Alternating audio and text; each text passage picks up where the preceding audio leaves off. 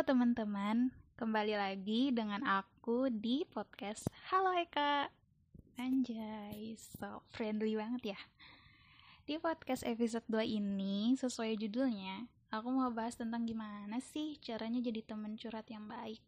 Gimana sih jadi pendengar yang baik Yang bisa ngerespon teman secara tepat dan asertif Biar temennya tuh nyaman buat curhat ke kita jadi beberapa waktu yang lalu sempat heboh di dunia Twitter. Ya, aku emang gak pernah lepas dari dunia Twitter ini, jadi emang beberapa masalah itu aku lihat ya ya di Twitter. Oke, balik lagi. Ada salah satu akun Manfest. Manfest gitu. Jadi Manfest itu adalah suatu akun di mana kita bisa kirim pertanyaan atau sesuatu lewat direct direct messenger. I'm sorry for my bad English. Jadi kita tuh ngirim sesuatu kan lewat DM terus nanti itu bakal ke post sendiri lewat tweet. Jadi kita tuh kayak nge-tweet sebagai anonim gitu loh. Nah jadi di akun manifest itu ada yang repost soal gimana sih baiknya kita sebagai pendengar merespon orang yang lagi curhat. Nah Ternyata ini menimbulkan beberapa pro dan kontra dari netizen, ya biasalah. Terus dan sempet rame juga banyak opini dari berbagai kalangan. Dari yang nanggepinnya cuman bercanda bercanda doang sampai yang serius banget. Jadi si posannya tersebut kayak misal ada temen yang lagi curhat nih. Terus kita tuh nggak boleh bilang beberapa kalimat atau kata gitu karena akan menjus ke toxic positivity jadi buat yang belum tahu apa itu toxic positivity, misal kalian lagi sedih banget, terus kalian berusaha untuk mengabaikan kesedihan kalian tersebut dengan bilang, ah elah gini doang sedih, atau aku nggak boleh sedih, aku harus tetap semangat. Nah, teman-teman, kalimat itu kan bermakna positif ya. Tapi nyatanya ketika kita mengatakan kalimat tersebut untuk mengabaikan apa yang sedang kita rasa, atau emosi yang ada dalam diri kita yang sebenarnya yang kita rasakan ternyata akan jadi racun untuk diri sendiri. Nah, balik lagi. Jadi di posan tersebut bilang bahwa ketika ada orang lagi curhat, baiknya kita menghindari kata-kata yang contohnya kayak gini ya. Semangat ya, bersyukur aja. Banyak kok yang lebih susah dari kamu. Udah, jangan terlalu dipikirin. Dan sejenisnya lah yang kayak, kayak gitu-gitu kan beberapa ada yang bilang bahwa itu ribet banget kayak terus gue harus bilang apa coy? Kalau ada orang yang curhat ini nggak boleh itu nggak boleh gitu kan. Terus gimana cara nanggepinnya? Menurut aku sebenarnya posan tersebut bermaksud baik. Ya emang baik sih. Mengingatkan kita untuk menerima apa pun perasaan dan pengalaman buruk yang sedang kita hadapi ketimbang memaksakan diri untuk semangat dan bersyukur. Perlu diberi catatan ya bahwa sebenarnya ketika kamu sedih atau kecewa itu bukan berarti kamu sedang tidak bersyukur karena sedih, kecewa dan tidak bersyukur itu bukan sesuatu yang sama dan itu adalah hal yang berbeda. Lalu gimana caranya agar kita bisa jadi temen curhat yang baik nih? Oke. Okay. ya. Nah, menurut aku, ketika kita sudah menyetujui untuk jadi teman cerita, untuk menampung segala keluh kesah teman-teman kita, untuk menampung atau rela dibagi beban hidupnya, waduh, berat ya dibagi beban hidupnya sama teman kita, pasangan, atau siapa pun itu, berarti kita sudah siap untuk tidak melihat cerita tersebut dari sudut pandang dia. Heh. Berarti kita sudah siap untuk tidak melihat cerita tersebut dari sudut pandang kita, maksudnya. Apa sih? Ngomong apa?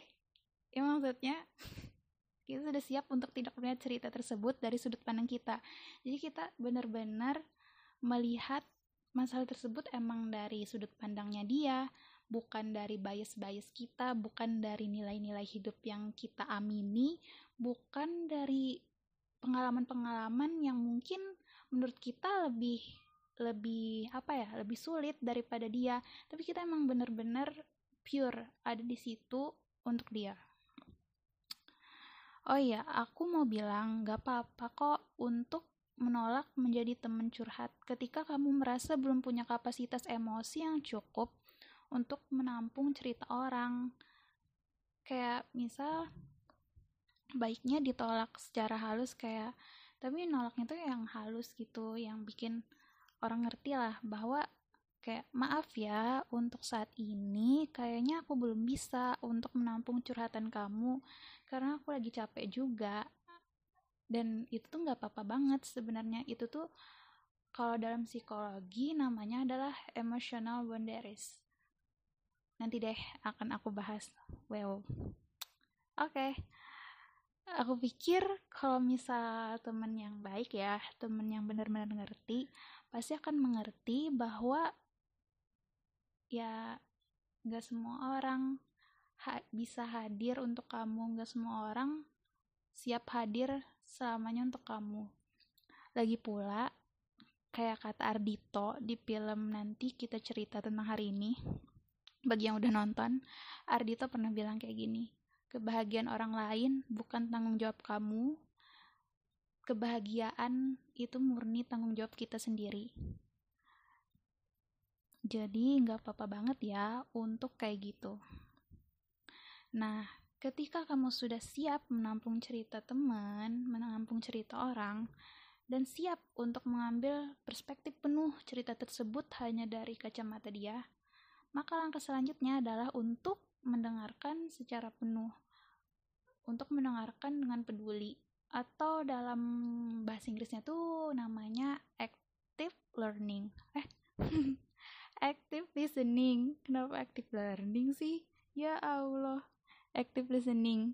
Jadi, active listening ini adalah mendengarkan secara penuh, artinya kita siap hadir 100% untuk orang tersebut. Nah, ketika kita ingin menjadi pendengar yang baik, maka ada beberapa hal yang perlu kita perhatikan. Pastikan kita menjadi orang yang bisa dipercaya oleh orang tersebut. Pastikan bahwa dia merasa aman dan nyaman untuk bercerita dengan kita. Jadi, ya jangan pas habis orang cerita ke kita, kita malah ceritain cerita tersebut jadi jadi lambe turahnya. Ya, itu mah jahat ya. Gak boleh ya teman-teman. Terus dan untuk bisa hadir penuh saat teman kita bercerita, maka pastikan kita sudah bebas dari distraksi-distraksi kayak misal kalau misalnya ada kerjaan ya tinggal dulu deh bentar buat temen ini. Terus misalnya uh, lagi scrolling Twitter atau scrolling Instagram atau lagi main sosmed atau lagi main game ya tinggalin dulu untuk dengerin orang itu cerita. Jadi orang itu merasa didengerin merasa kita benar-benar mendengarkan merasa dihargai. Terus jangan sampai kita membagi fokus kita terhadap orang tersebut dengan yang lain. Pastikan kita benar-benar mendengarkan ceritanya dan membuat dia merasa bahwa dia sedang didengarkan. Karena ya siapa yang gak seneng ya kalau merasa didengarkan. Lalu selanjutnya, ketika kita menjadi teman curhat, usahakan untuk tidak memotong pembicaraan dengan memberi saran yang tidak perlu atau tidak diminta. Dan jangan pernah juga untuk malah ikutan cerita atau membandingkan pengalaman yang kita punya dengan si punya teman. Kayak misal, Dih, kamu mah enak kayak gitu. Aku dulu lebih parah loh. Atau aku juga kayak gitu kok, tapi aku nggak kayak kamu menanggapinya biasa aja. Ini semua pasti akan berlalu. Kita nggak bisa untuk bilang kayak gitu karena setiap orang itu apa ya punya toleransi rasa yang berbeda-beda. Kita semua punya pengalaman belajar yang berbeda-beda. Kita semua gede dari pola asuh yang beda-beda. Jadi kita nggak bisa untuk menyamakan perasaan orang dengan perasaan kita dalam menghadapi sesuatu. Terus yang lucunya kadang kalau kayak gini malah keterusan kita yang curhat. Padahal yang benar-benar perlu bantuan itu kan dia. Nah, ini yang sebenarnya gak baik dan gak boleh ya. Itu bukan gak boleh sih. Tapi ya lebih baik dihindari. Selanjutnya, penting untuk memberikan feedback atau timbal umpan balik kayak aku ngerti kok perasaan kamu saat ini dan wajar kalau kamu kesel atau kayak nggak apa-apa kok kamu merasakan seperti ini sekarang. Ya sejenis-jenis kayak gitulah. Yang nggak harus sama sama template tapi kamu benar-benar mengerti bahwa apa yang dia rasakan itu wajar. Apa yang dia alami itu adalah sesuatu yang emang wajar dia merasa kayak gitu. Intinya kayak ngasih validasi. Sebenarnya ya beberapa orang curhat tuh gak minta untuk dikasih saran, malah kebanyakan ya cuman pengen minta validasi aja dan itu wajar banget sebagai manusia untuk minta validasi. Dan aku pun kadang ketika aku benar-benar lagi down atau lagi curhat sama teman kadang aku udah tahu solusi apa untuk masalah tersebut. Tapi aku cerita agar teman-temanku juga ngerti bahwa aku lagi sedih loh aku lagi kecewa loh dan kayak gini perasaanku. Dan ketika dipalidasi bahwa iya kamu lagi sedih kayak gitu kayak gitu tuh bikin aku tenang bikin aku lebih lebih apa ya lebih merasa bahwa ternyata masalah aku nggak sebegitu beratnya kok teman-teman aku masih ada kok di samping aku kayak gitu Terus ada juga